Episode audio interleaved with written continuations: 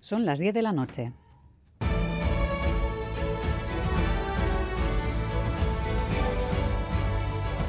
Radio Euskadi y Radio Vitoria. Servicios informativos.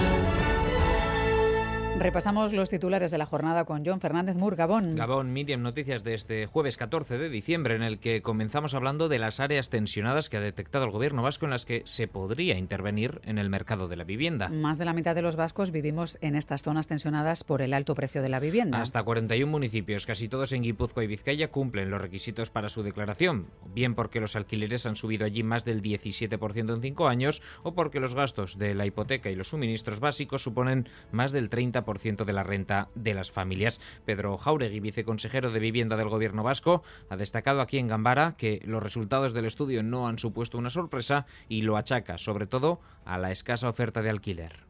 La oferta de alquiler en Euskadi es absolutamente, yo, la calificaría de ridícula respecto al total del, parque de vivienda. Estamos hablando de que el alquiler solo representa el menos de 13%. Si en Euskadi hay un millón 200.000 viviendas, pues eh, en alquiler hay poco más de 100.000. por lo tanto, eh, son muy pocas para la demanda que tenemos. Entonces, el primer objetivo es incrementar la oferta.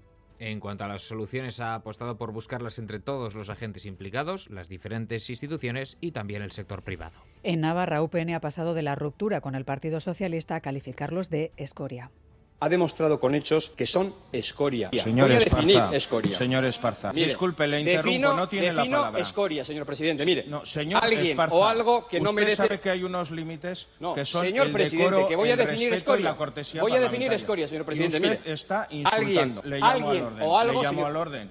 Javier Esparza ha dicho también que el acuerdo con EH Bildu es vomitivo y después los 15 parlamentarios de UPN han abandonado el Pleno antes de la respuesta de la presidenta María Chivite que les decía lo siguiente.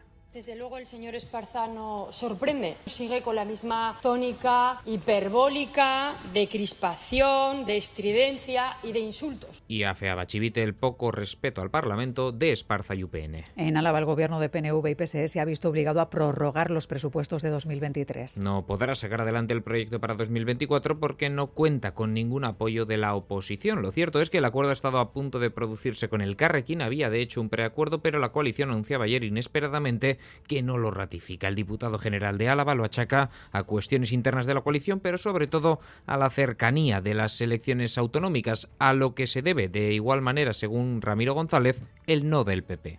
Creo que el motivo por el que no hay acuerdo presupuestario no está en la negociación presupuestaria. Hay que buscarlo en otras circunstancias.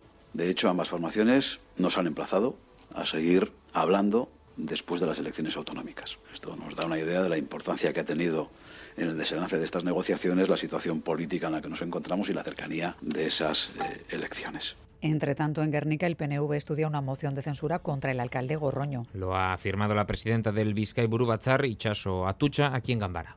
A mí no me gustan las mociones de censura así de principio, pero son una opción. Pues nos sentimos eh, con la responsabilidad también de coayudar a que esto se solucione en Guernica. Y en este momento Gorroño está solo. Es que no llega a acuerdos con nadie. Creo que sí estamos ya en un límite en Guernica, porque la parálisis del Ayuntamiento de Guernica creo que es explícita y los yelchales ven necesario sacar a Guernica de la parálisis. Y ETV Marato ya roza ya una recaudación cercana al medio millón de euros. Las aportaciones no paran de crecer. Recuerden que durante toda la jornada se están recaudando fondos este año para la investigación del cáncer. Pueden hacerse aportaciones mediante la web Bizum en el número 33478 mediante transferencia bancaria o a través del teléfono gratuito 900 840 750. Es todo, así terminamos. Más noticias en una hora y en todo momento en itv.eus y en la aplicación ITV Albisteac. Geruarte.